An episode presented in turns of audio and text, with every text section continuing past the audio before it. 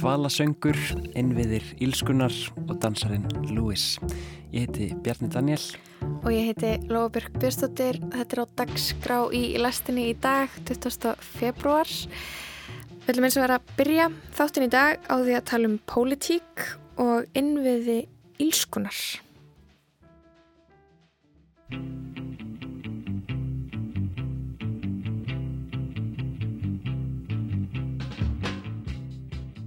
Undanfarnar vekur hefur orðið innviðir verið mér ofarlega huga. Mér finnst ég sjá það allstaðar. Og í gær þá rakst ég á prétikun sér að Davíðs Þórs Jónssonar sem bar yfirskriftina Innviðir Ílskunar. Honum er greinilega orðið innviðir hugleiki líka og hér er brotur prétikuninni sem má finna á blogginu hans Oculus Cordis. Annars verði ég að segja eins og er að þegar ég heyri talað um sprungna innviði hér á Íslandi get ég ekki varist við að finna til dálítillar gremju vegna velmegunablindunar sem orðalagið afhjúpar. Ég fylgist nefnilega með fréttum frá Gaza og þessum fréttum fylgja ljósmyndir. Þessar ljósmyndir sína sprungna innviði, bókstaflega. Sjúkrahúsin eru sprungin, skólarnir eru sprungnir, íbúðarhúsin eru sprungin, göturnar eru sprungnar og af hverju er þetta allt sprungið? Jú, af því að það var varpað sprengjum á þetta allt saman og það var sprengt til helvítis. Ég mælti mér mót við stjórnmálafræðingin Eirík Bergmann til þess að tala við hann um innviði, málaflokka, málflutning og vörður og skriður og orð og stefnubreitingar og hlaðvörp. En það fyrsta sem ég spurði Eirík út í er þetta orð, innviðir, af hverju er þetta orði núna út um allt og af hverju eru við að tala svona mikið um innviði? Ég menn er að setja það í samhengi við komu uh, hælisleitanda og flótamanna svona fyrst og fremst sínist mér og heyrist. Uh, við höfum auðvitað byggt hérna upp kerfi sem að virkar uh, þannig að hælisleitundur og flótamenn þegar þeir koma hinga til landsins og meðan að við erum svona fara yfir mál þeirra að þá er þeim veitt ymirskona þjónustæðin um leiðum þeir meinað að bjarga sér sjálfur. Þeir fá sagt, ekki að sagt, sjá um sér sjálfur heldur setju við upp þetta dýra eh, kerfi í, kringum þá og við höfum í rauninni þvingað öllum innflytjendum eh, sem að koma utan Európska efnaðsvæðisins, þessi innflytjendur sem ekki eru beinlinis bara um, að forræði einhverja fyrirtækja sem æskja þeirra heldur þeir sem vilja koma til landsins og, og sjá um sig er rauninni öllum þvingað inn í þetta hælisleitenda kerfi sem að er mjög umfósmikið uh, og dýrt. Og það reynir auðvitað á þólmörk þess kerfis þegar allir eru settir inn í, inn í sömu gátt jafnvel þeir sem ekki þurfa á því að halda. En þetta er að stæstum hluta til heima tilbúin vandi sem við höfum framleitt uh, sjálf. En auðvitað er það líka þannig að svona öðru leiti að samfélagsbreytingin sem hefur orðið er að fólk hefur farið meira til og frá landinu. Það var fleiri komið til landsins undanföldnum árum heldur en oft áður en það hafa líka mjög fleiri farið frá landinu uh, heldur en oft áður þannig að, að það er svona meiri það er meiri för á, á, á milli og það þetta býr til alls konar sko áskoranir án þess þó að, að það eh, leiði til þess að, að leysa hér upp alla innviði. Þannig að þetta er nú svona orðaleppur líka. Já, einmitt, það er sko, eða það, það sem ég er að velta fyrir mér, sko, þarna innviðir, uh, er, er að nota þetta orð núna í mjög pólitískum tilgangi í þegar við erum að reyna að tala um komu flottafólks og hælisleitindur Já sko, pólitísk merking þeirra inn, innviðum fram eh, Pólitísk merking innviða e, í málflutningi þeirra sem að eru að beita uh, hugtækinu eða, eða því fyrirbæri í pólitík e, gengur út á að segja við erum komið hér á þólumörkum, við getum ekki tekið við fleirum, við verðum að byggja hér upp innanlands áður en að við getum tekið við fleira fólki. Mm. náttúrulega raunveruleiki málsins er svo að við munum aldrei byggja upp innviði þannig að við getum en, en, tekið endilega við e, fólki. Þannig að þetta er svona leið til þess að íta málin út á dagskrá. Án þess að segja berum orðum að maður vilji ekki fá aðkomi fólki til landsins. En það er yfirleitt svona hinn pólitiska merking á bakvið orðanótkununa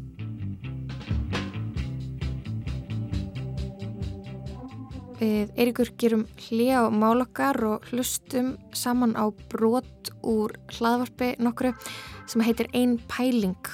Þáttastjórnandin er Þórin Hjartarsson og hjá honum í viðtali er Yngvar Smári Byrkisson, fyrrum aðstofamæður Jóns Gunnarssonar, fyrrum dómsmúla ráð þeirra sjálfstæðisflokksins. Það var náttúrulega mjög mikið að gera í ráðunöndinni á þessum tíma.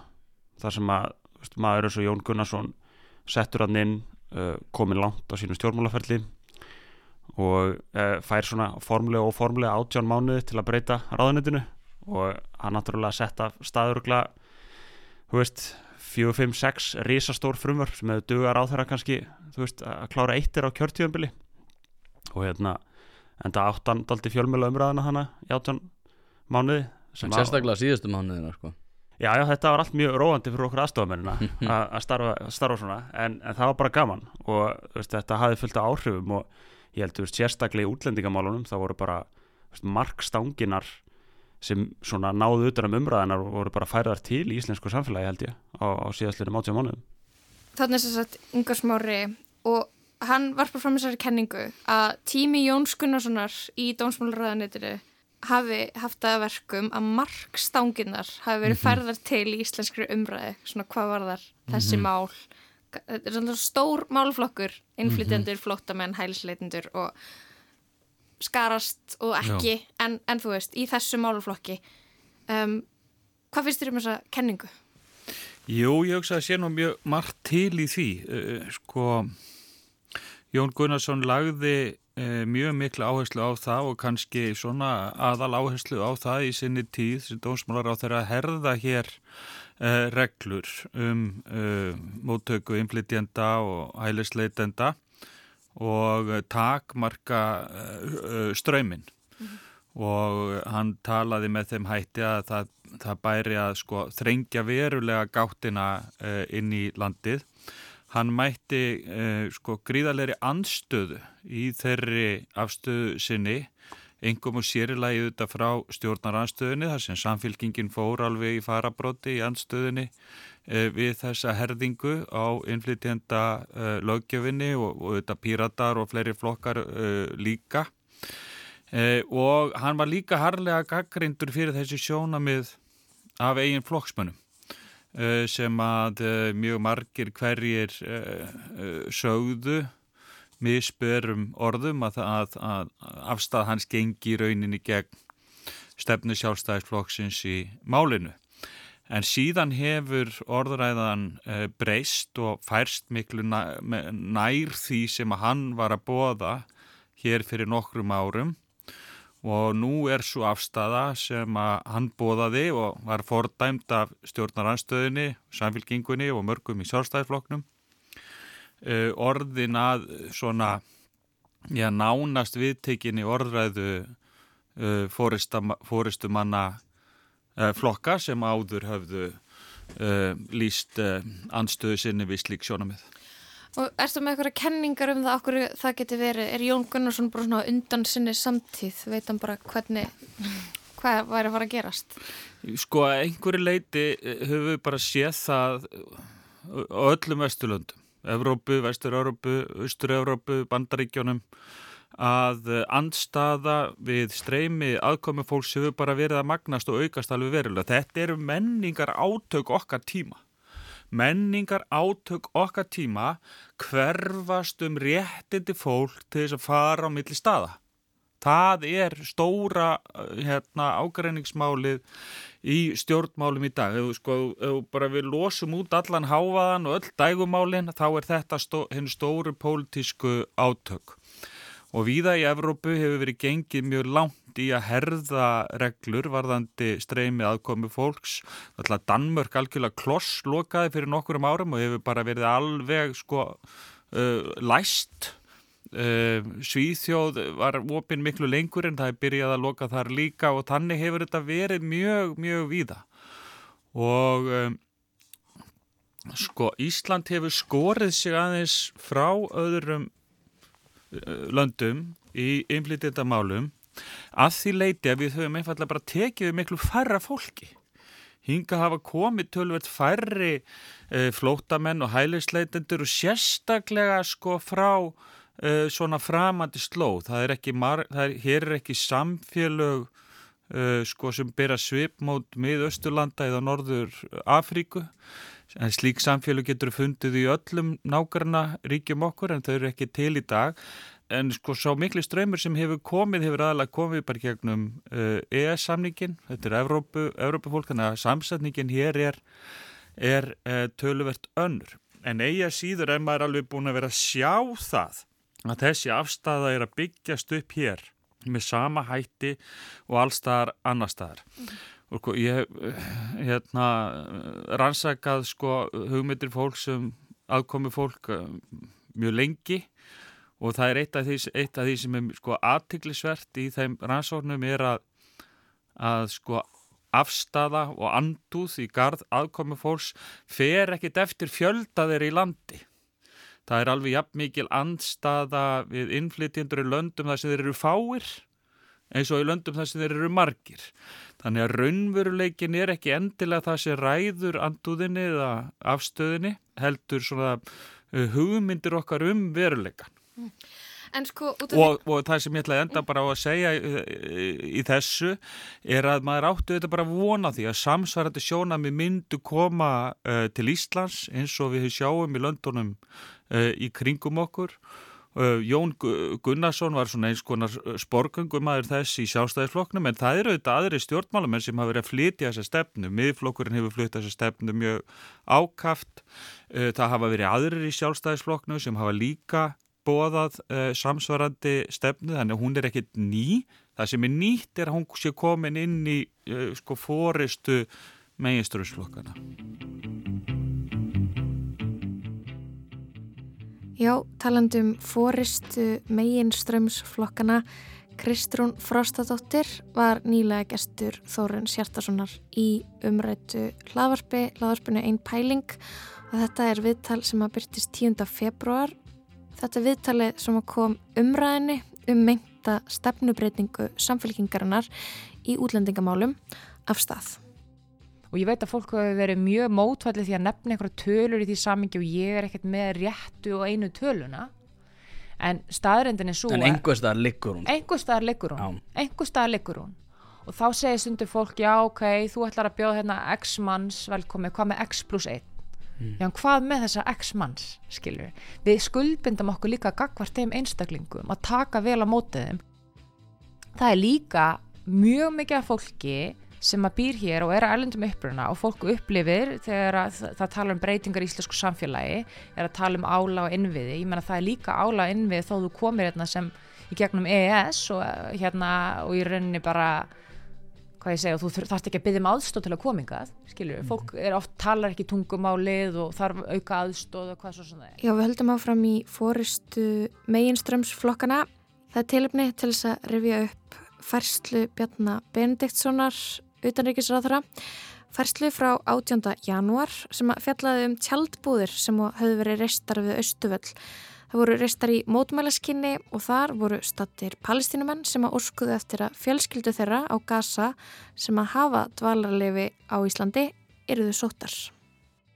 Það sem næst þarf að gerast í þessum málaflokki er að herða reglur um hælisleitendamál og samræma því sem gerist hjá nákvæmna þjóðum. Auka þarf eftirlitt á landamærum.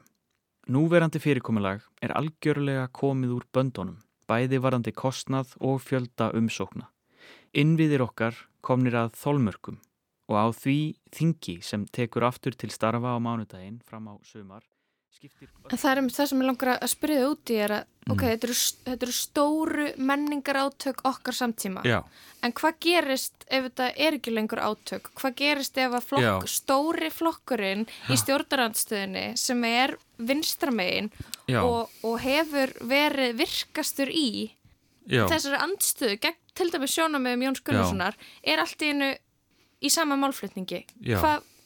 Hvað gerist þá? Þarna hefur auðvitað orðið sko meiri háttar stefnubreiting Mhm. sem er mjög skýr, þetta er nú einn skýrasta stefnubreiting stjórnmálaflokks í tilteknu máli sem að við hefum séð í, í, í langan tíma og daldið svona eila fyndið að það sé verið að rífast um það hvort að þetta sé stefnubreiting eða ekki því að það er hún klárlega. Skiptum aðeins um gýr og ræðum um útlendingamálin, Heiðabjörg. Heiða Björg Hilmisdóttir, samfélkingarkona var í Silfrunni í gær. Það eru ymsa skoðanir innan þins flokks samfélkingarinnar um, um svona þau orð sem að formaðurinn hefur látið falla um málefni hælisleitenda uh, og uh, svona innflytjendur og umsækjendur um alþjóðlega vernd. Eru deilur innan flokksins um þessi mál? Eh, um, um umflytjendamál? Já, Nei, og bara það svona hvernig, engar deilur. ekki um umflytjendamál. Við erum Nei. þetta samþykjum okkar stefnu á, á landsfundi. Sko stefnubreitingin fælst í því að uh, stjórnmálaflokkur sem að barðist hér ákaft gegn uh, sko ítryggari herðingu innflytjenda löggefurinnar og, og þá er ágætt að sko muna það að undarfærin ár hefur innflytjenda löggefin verið hert í nokkrum skrefum. Þetta séu 7-8 uh, lagasetningar sem hefur farið gegnum umlinum árum sem hafa hert innflytjenda löggefina og samfélkingin hefur uh, sett, sett sig upp í andstöðu við þessa herðingu. Nú kemur formaði flokksins sem að nota benni hafi nú ekki verið í fórustu í þeirri andstöðu, heldur að aðrir fórustumenn flokksins verið þar.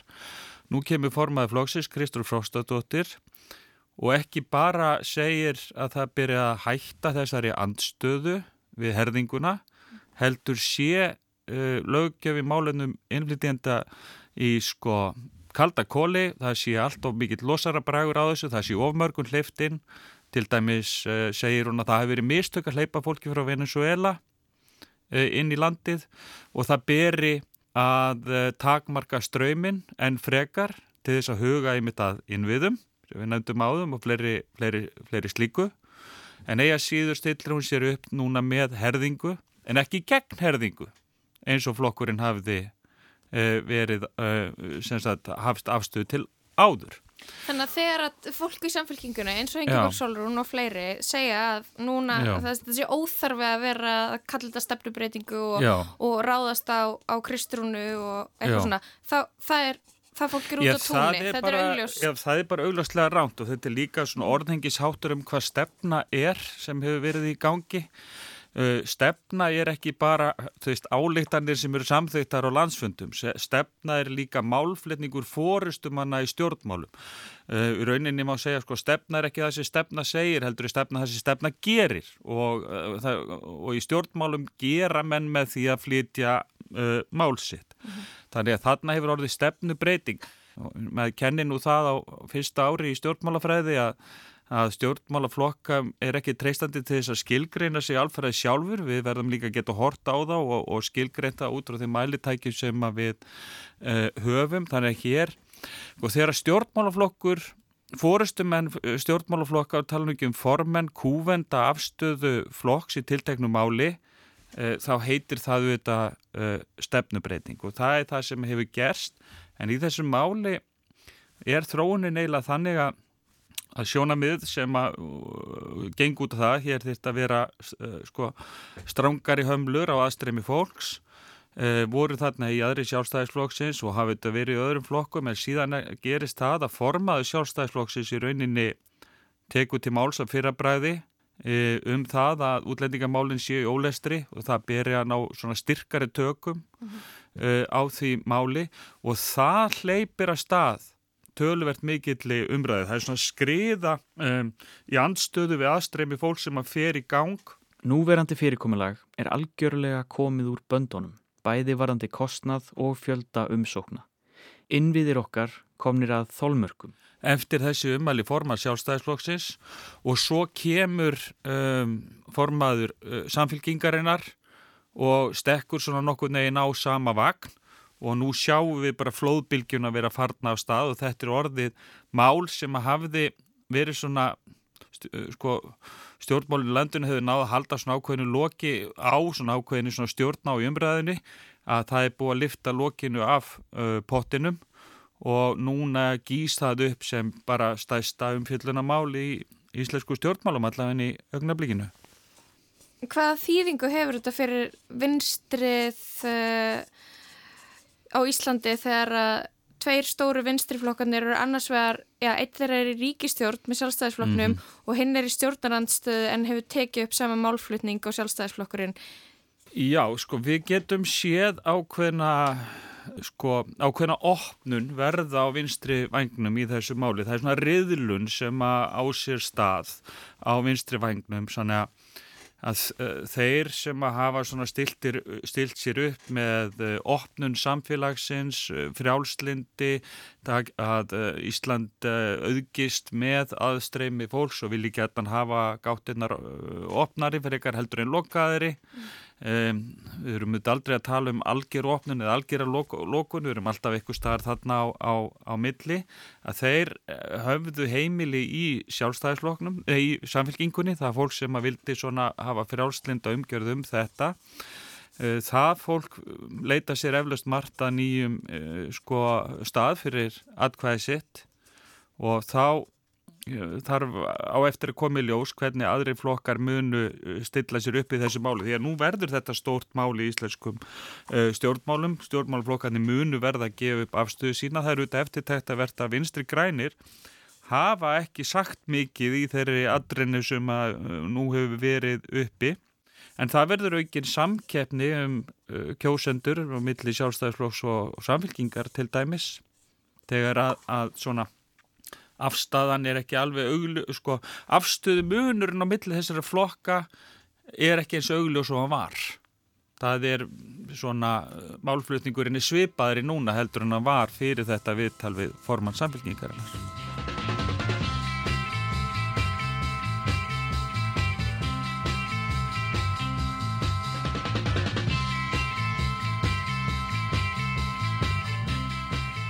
Já, ég rætti þarna við Eirik Bergmann, stjórnmálafræðing. Í mitt, en næst á dagskrá er þriði þáttur í seríunni Sjáumst og heyrumst í umsjón Ernu Kanumu Masinkíla. Hér er hún.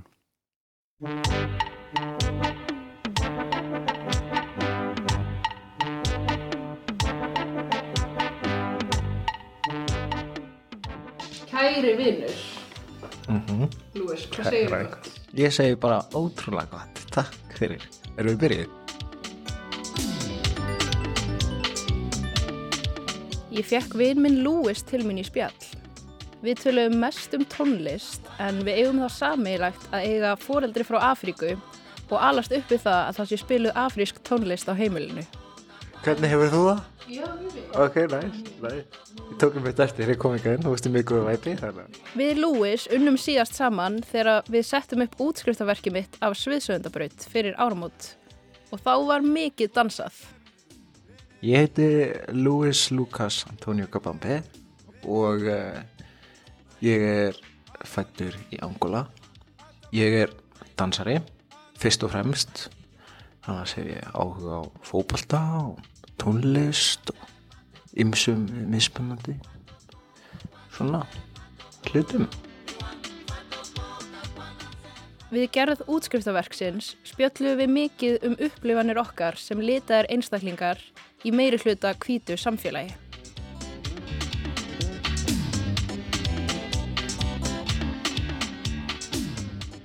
Ég spurði Lewis út í að hvernig honum hafi fundist að eiga þessi samtöl. Sko, ef ég að segja eins og er, þetta var svolítið svið sem að ég fór ekki mikið úti sem er svolítið ironic. En kannski hefur eitthvað með það að gera að ég kom inga til landsins þegar ég var þryggja háls og hef alltaf skilgjörn með eiginlega sem íslending. Ég er bara íslendingur og það er það sem ég er. Og einhvern veginn fyrst mér að þegar þetta topi kemur upp þá er það yfirleitt utan aðkomandi þú veist þá kannski þú veist er fólk kannski að passa sig að móðka mig ekki eða eins og maður segir bara vera ekki racist þú veist. Það er oft svona má ég gera svona, má ég gera þetta má ég gera hitt og ég nei, þú veist, já já þú veist, þetta er oft svolítið bara svona mér finnst það oft vera mjög utan aðkomandi ég, það er ekki oft ég vera alveg honest, það er ekki oft sem ég sest við með mömmu til dæmis og talað um það hvernig upplöðu mín sem dökkur er hérna á Íslandi. Þú veist, jújú, jú, það hefur alveg komið fyrir on occasion sko. En kannski ekki eins mikið og margir myndu að halda Mhm. geti ég sagt. Um, þá hafa alveg komið svona atvik sem að ég hef lendi í og svona racist, svona racist atvik. En yfirleitt er það svona kemur það oftast frá svona eldra fólki eða kannski grökkum eða eitthvað sem er ekkert að marka það skilur þau eru bara eitthvað þú veist þau eru bara forvitin skilur þau bara spyrja kannski bara hvað, akkur ertu svona brún? Og ég bara, þú veist útskrifaði fyrir og bara en hvað, en hefur fyrir styrtu eða eitthvað ferði aldrei í styrtu eða bara eitthvað svona þú veist, og þau eru bara svona æ, þú veist, þau eru bara svo forvitin skilur og eru bara svo það er enginn þyltir á bönnum skilur að það er ekkert einhvern veginn ekki hægt að taka það neitt, ne, ne, taka því neitt persónulega.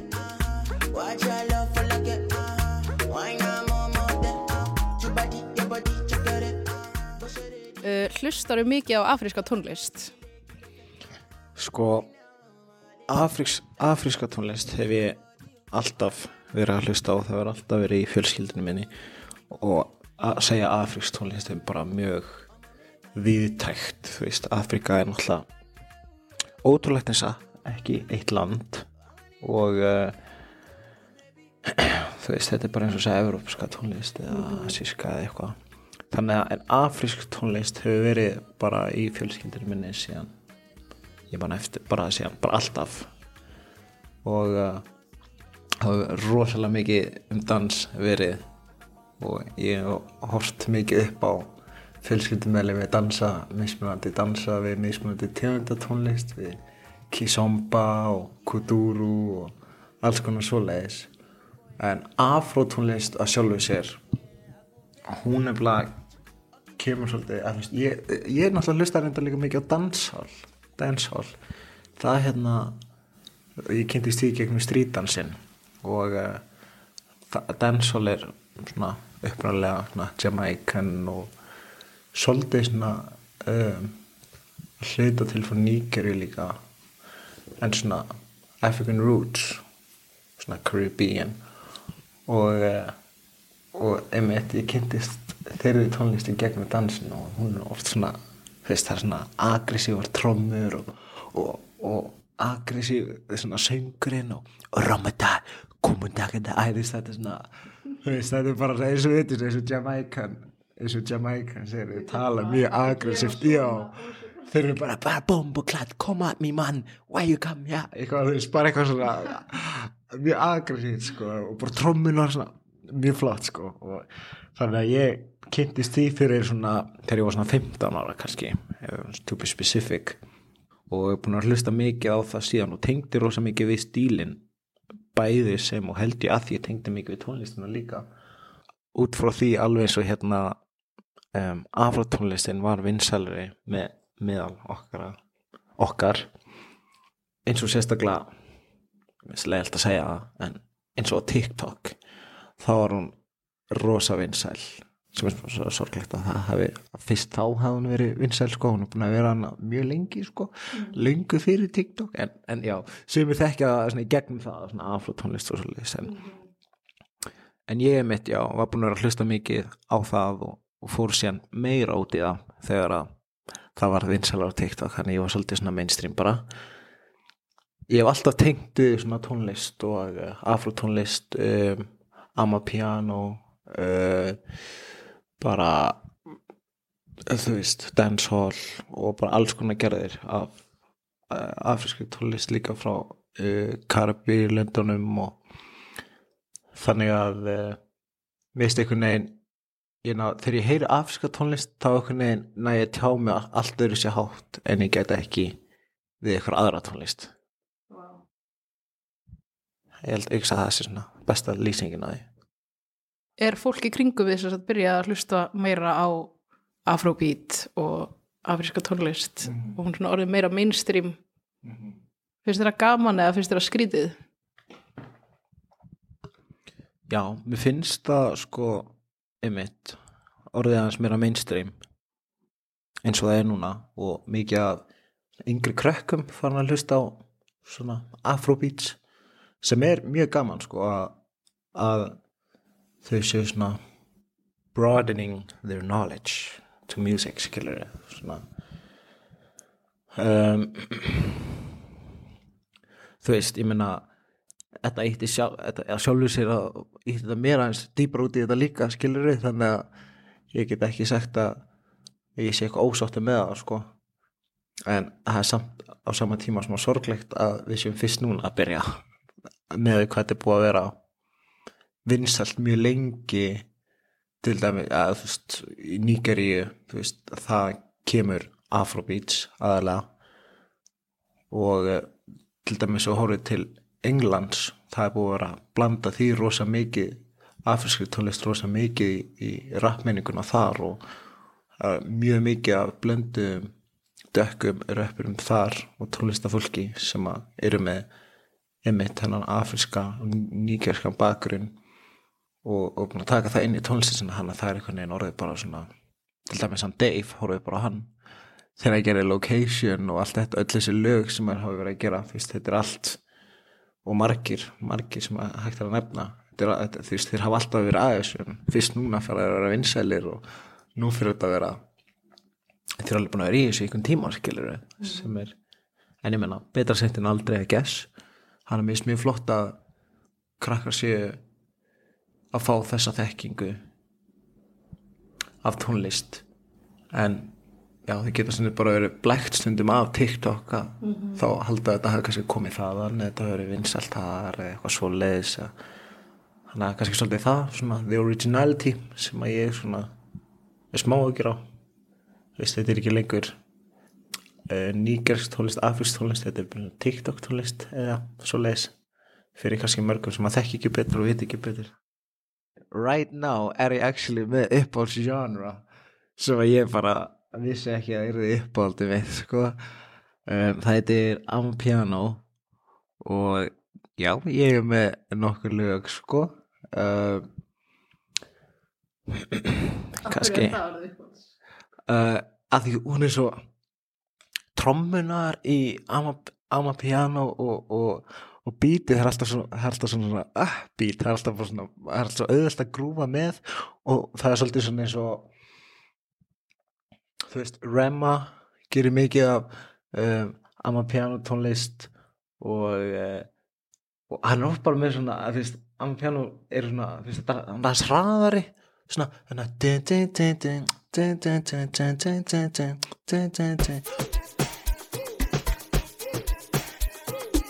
What's on? Last symbol, no more symbol, don't go Everybody, eh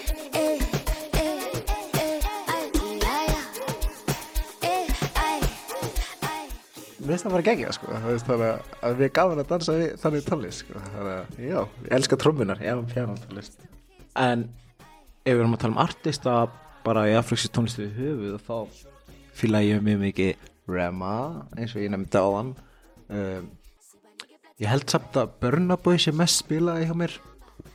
Um, þó búið ég fýlir Rema aðeins meira en en Burna Boy er náttúrulega geggjaður og mikið í svona rappinu, svolítið hiphopinu líka sko Þannig að já, það er svona aðalega þeir tveir og, og af þessu svona Kalibur og Davido líka mjög góðir, flottir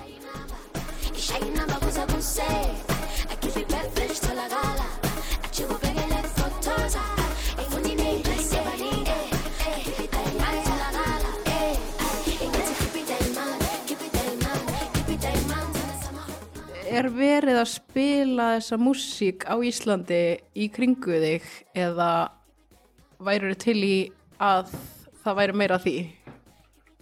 uh, Nei, nei það, það er ekki spilana neitt rosa mikið og alls ekki eins mikið ég myndi vilja sko en alveg svo með eins og við tölum TikTokið að þá held ég að þetta komi hægt rólega af stað og það kemur alveg einstaklega sinnum fyrir að maður þú veist er kannski á okkur svona þú veist klúb bara klúb klúb, diskoklúb og svo alltaf kemur eitthvað svona afrúbít lag, skilur maður bara what, ok, næ, skilur og svo er þetta kannski ekki endilega eins og vinsall lag og þetta hefðbyrna sem er að vera vinsall eða eitthvað og maður er bara svona, já ok þannig að þessi DJ og þessi DJ-ar er alveg eitthvað að fylgjast með, skilur þeir vita hvað er í gangi.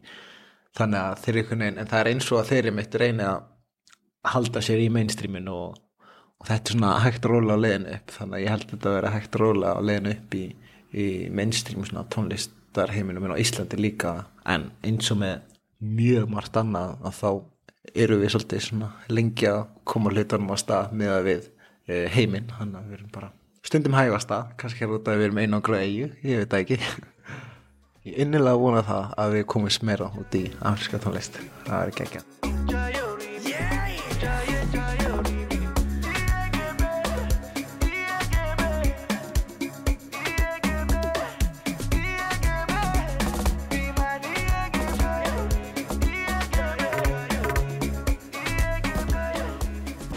Ég er, já, ég er uh, 24 ára, sem sagt 99 mótil.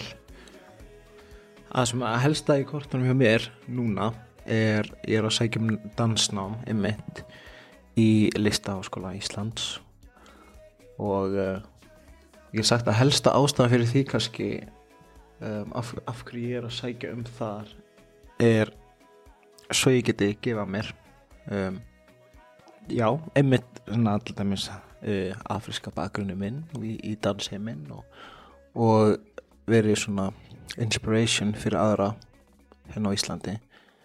Hann að ég vona innilega að ég geti haft jákvæð áhrif á þessa hæg og rólegu breytingu sem er hérna að verða á Íslandi. Um, um, hvað segjum eftir tíu ár verði ég ennþá á Íslandi? Já, ég, sko, ég held að ég verði alveg eitthvað á Íslandi á til, þetta verður náttúrulega maður er alltaf að koma heim, sko. En ég hugsa að ég muni taka ég muni byrja hana heima og taka síðan um, fyrir minn lengra og abroad.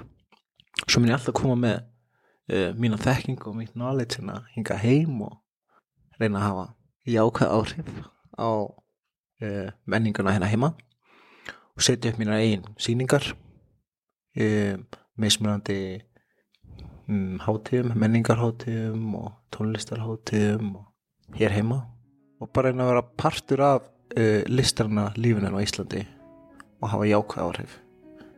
Já. Gekkjaður. Hlakka til að vera mem saman sko. I can sing for you, you can sing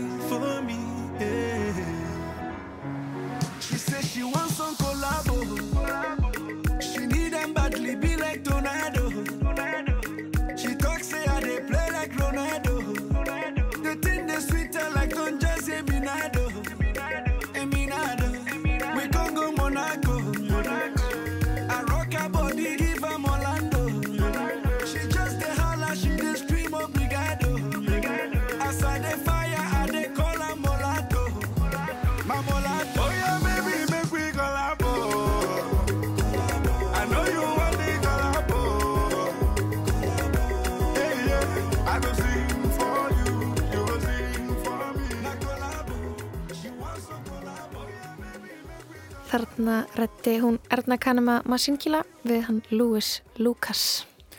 Og já, en við ætlum að að öðru, við ætlum að pæla í kvölum og kvala söng á lögadaginn kemur fer fram uh, viðburur í Tjarnabíó sem nefnist kvala söngur á vegum kvala vina og ungra umhverfisina og ég fekk heimsókn fyrir dag frá Anahítu Babai sem er aðgerðsinu og komst svolítið í frettir á síðast árið þegar hún dvaldi í mastri kvalveiðskips í 30 klukkustundir án vass og matar en hún er sérst einna skipulegjendum þessa viðbyrðar og ætla að segja okkur meira frá því.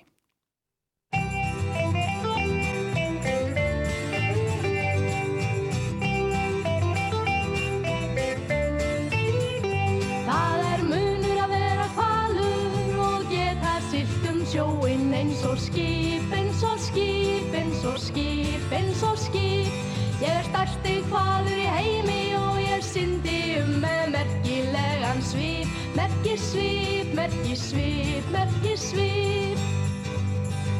Alla fiska sem ég finn, hvað sem er í hafinu, alla fiska sem ég finn, hvað sem er í hafinu, borða ég með munninum.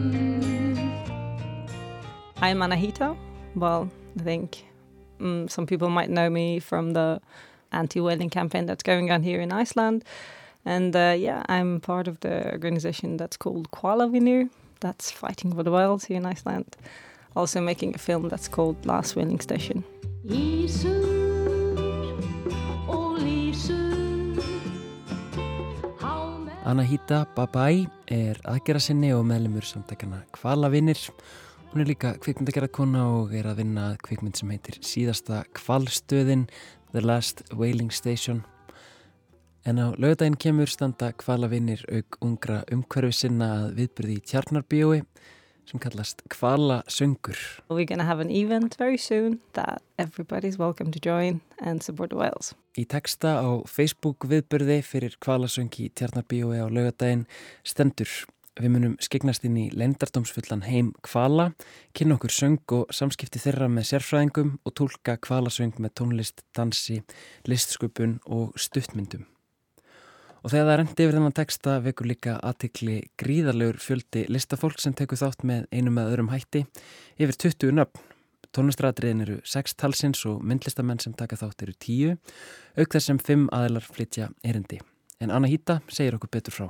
The whole event is a celebration, celebration of uh, whales and celebration the special time that we are in. Because two days ago was World Whale Day, and the whole week is dedicated to the whales worldwide. We're going to celebrate that, but most important, importantly, what we're celebrating is this special time that we are in, actually. Because after a long time, finally the license is uh, over, and as this moment that I'm speaking with you, there is no whaling license, so Iceland is not a whaling nation at the moment. And I think it's so beautiful to celebrate that, this fragile moment, unless we want to give another permit, you know, and uh, kind of go back in time and start, I mean, redo the era that we, we just finished. And um, yeah, I think everybody has to ask the questions from themselves that what do we want? Do we want that era that we just finished, or do we want to start a new era that's more sensitive to these creatures that now we're very close to, we know how they communicate very well. Viðbröðurinn verður ákveðin fögnuður en 18. februar síðastliðin á sunnudaginn var, var árlegur alþjóðlegur dagur kvalsins sem skipulegendur telja fullt tilefni til að fagna. Þar að auki er ekkert kvalveiði leifi í gildi þessa stundina hér á landi sem þýðir að einmitt núna eru Íslandingar ekki kvalveiði þjóð og þetta þykir kvalavinum ekki síður fagnaðarefni. Anna Hýta segir stöðuna þó viðkvæma að mögulega marki hún upp af nýst tímabils þar sem kvalveiðar heyra sögunni til. En það er eðli breytinga að þær taka á, þær eru ekki auðveldar.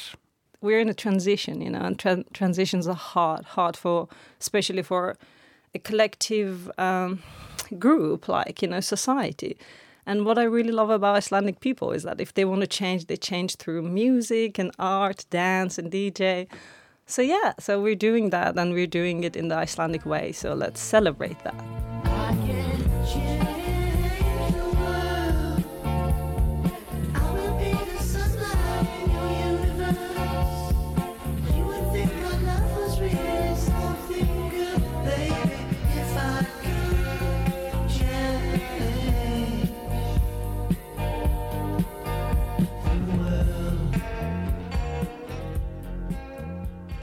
Ég byrð Anna Hýttu að fræða okkur um dagskrána.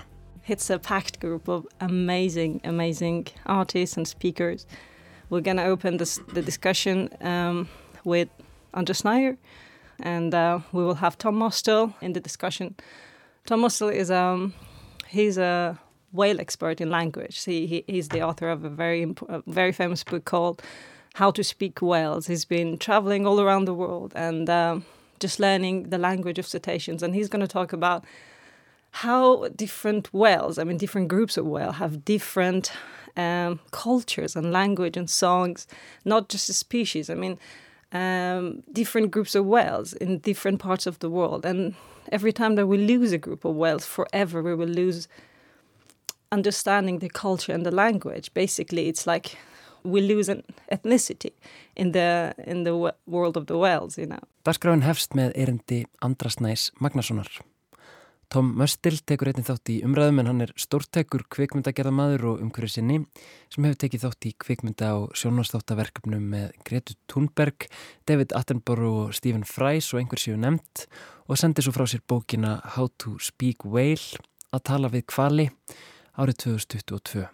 Hann mun fjalla um tjáningu og menningu ólíkra hópa kvala. Langreiðar, segir Anna Hýta, eru til dæmis hinnir vitru einfarar hafsins og geta átt samskipti útafana á milli því rödd þeirra berst óurlega langar vegalengdir. Núfubakar hins vegar eru félagslindari, þeir syngja saman og dansa. And uh, he will speak about how, for example, fin whales are like the wise um, individuals of the ocean because their behavior is very well developed and they speak between ocean to another ocean because their voice goes really, really far. Uh, while the humpback whales are like a chit chatty and they're very friendly and they sing and they dance together. En aftur að dagskráni í Tjarnarbíói. And then we have amazing group, Fred and Brenda. They're scientists from California. Actually, these are the these two are the group who did who are collaborating with NASA using AI, and they're gonna decode the language of the whales. And they they had 20 minutes of talk with a humpback recently. We are in a new era. We are in a new era that whales are no longer. Uh, a food resource. You know, we're so close to them. We are they're so important for us at this moment that we are talking about creating new jobs of communicating to the world. We're cre- we're talking about new research opportunities and course studies. Uh, I think this is something that we need to celebrate. Brenda McCohen og Dr. Fred Sharp eru vísindamenn frá Kaliforníu sem hafa verið í samstarfi við NASA meðal annars eh, sem snýst um gerfugrind. Markmið þeirra er að afkóða og skilja tungumál kvala og muni þau hafa átt í um 20 mínútna samræðum við núfubak nokkur. Þetta er til marksum að við upplöfum upphaf nýs tímabils, segir Anna Hýta, þar sem við hugsaum ekki lengur um kvali sem mat, heldur skyni getar verur sem við getum átt í samskiptum við. Þessi hugmyndum samskipti milli tegunda vekur aðtegli mína. Ég beði Anna Hýtu að segja mér betur frá starfi McCowens og Sharp. Yes, I actually do not want to spoil the whole thing, so please come to the event to to listen to them saying that. But the whole idea is that uh, they are giving huge amount of data to the to the AI, and uh, they're trying to create um, patterns that are repeating themselves. So they're trying to understand. And what they have been communicating already with a humpback for 20 minutes is that they created one. Um, one sound which basically says like hello i'm here. And then there was another humpback that was keep repeating it's like hey i hear you i'm here you know like and this conversation went on for 20 minutes and they had to stop it because um because they didn't they were not allowed to continue more than that. But uh, they will explain more about uh, other experiences that they have and they will exp- they will explain that where will this end you know? Can we actually find out a way to just like understand the language? Can we create? Can we talk in the languages? Can we create the sound that is like, you know, in their voice? And I think it's very exciting, yes. Mm -hmm. Þau Sjarp og McCohen hafa unnið töluvert með gerfigreind í tilrunum sínum. Gerfigreindin er þá útveð gríðalegt magn gagna um samskipti kvala og henni er svo falið að koma auga á endurtekin minnstur. Þegar þau áttu samskipti við Núfubakk höfðu þau búið til hljóð sem tali var að hefði merkinguna hæ hæ, hér er ég. Og viti menn, núfubakurinn svaraði eitthvað á þessa leið. Hæ hæ, ég heyri þér, ég er líka hér. Samtalið held svo áfram í 20 mínútur eða svo áður en vísindamönnunum var gert að slíta því. Hvað framtíðin ber í skauti sér í þessum fræðum líklega best að mæta á viðburðin til að komast til bots í því, segir Anna Hýta, en hún horfir sjálf í ákvaðum augum fram á veginn. We will continue having Ed Elizabeth talking about the whale songs, and then of course start the music. We'll have a piece from Hockney doing a uh, doing a piece in collaboration with Owen, which is about the whales. We'll have Gideon, Raga Grando, Axel. We will have a dance and DJ with FM Belfast, and I think it will be just amazing. Yeah. Við heldum áfram að ræða dagskrána.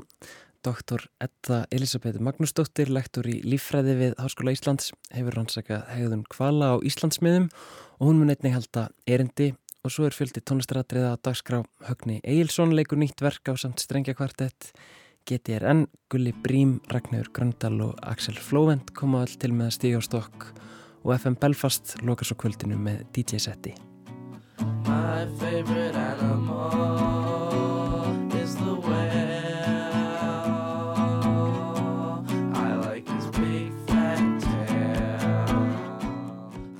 er margt erfitt í gangi í heiminum í dag, stríðsátök, jarðhræringar, ímislegt sem fólk getur valið að hafa ágjur af, beint orkusinni og aðtikli að. Ég spyr Anna Hítu hvort henni þykki erfitt að vekja aðtikli á málstað kvalavinna á þessum tímum. Do, do you find it difficult to get people engaged in your cause at this time? You know, when there's so much else to think about as well. Of course, I mean it's so hard, and we have uh, we have a phenomenon that's like when one big disaster happens, and the other people are not allowed to talk about the other disasters that are happening in the world. Um, and with all these two things that are happening here in Iceland, and people are supporting so much, um, like being against this genocide and supporting the people who are, lo- who are losing their lives in the war. Um, it's so important and it's just so beautiful to watch something like that and i know that it's so hard to just like you know to focus on so many different things at the same time but it is so important to not be silent and if there is a chance to talk about these things Hún telur að meðan hamfarir dinji á einum stað þykir fólki jafnan erfitt að huga að öðrum hamförum samtímis. Um þessar myndir séu til að mynda mörg uppdegina því að mótmæla þjóðarmorði sem henni þykir jú afar mikilvægt en þó skiptir máli að gleyma ekki að huga að öðrum bartumálum. Anna Hýta vekur svo máls á því að oft séu hlutirnir tengdari en við gerum okkur grein fyrir í fyrstu. You have to look at the bigger bigger picture constantly. And um, these things are connected. Lots of the reasons that the war is happening in the first place is because of natural resources. We're losing natural resources because of the climate change that's happening. And whales contribute so much to climate change. So these are all linked. They're not ranked. And we have to understand that. And um, just support the groups who are fighting for in all the France otherwise if we just focus on one issue we are gonna lose this battle. And uh, species are vanishing people are vanishing we are facing mass extinction. And there will be more wars if we cannot protect the nature. So we just have to accept that.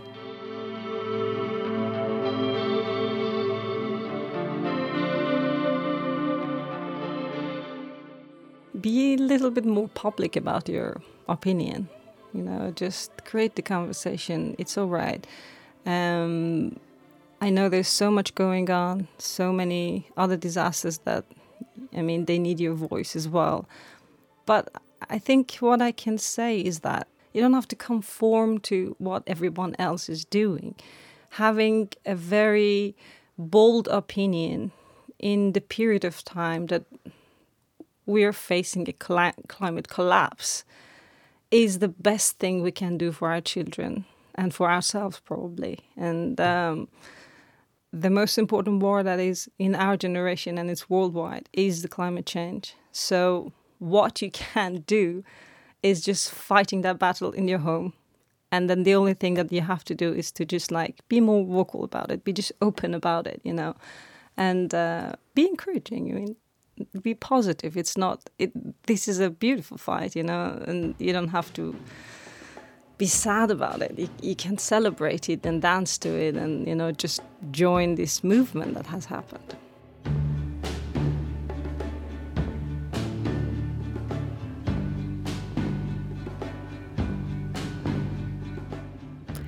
Það var Bjarni Daniel sem að rætti við Anna Hítu.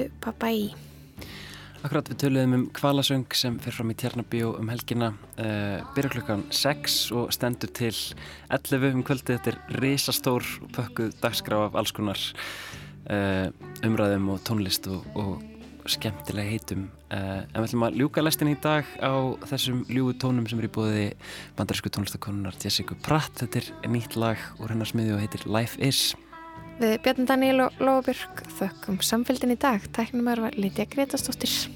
Heyrjumst á morgun.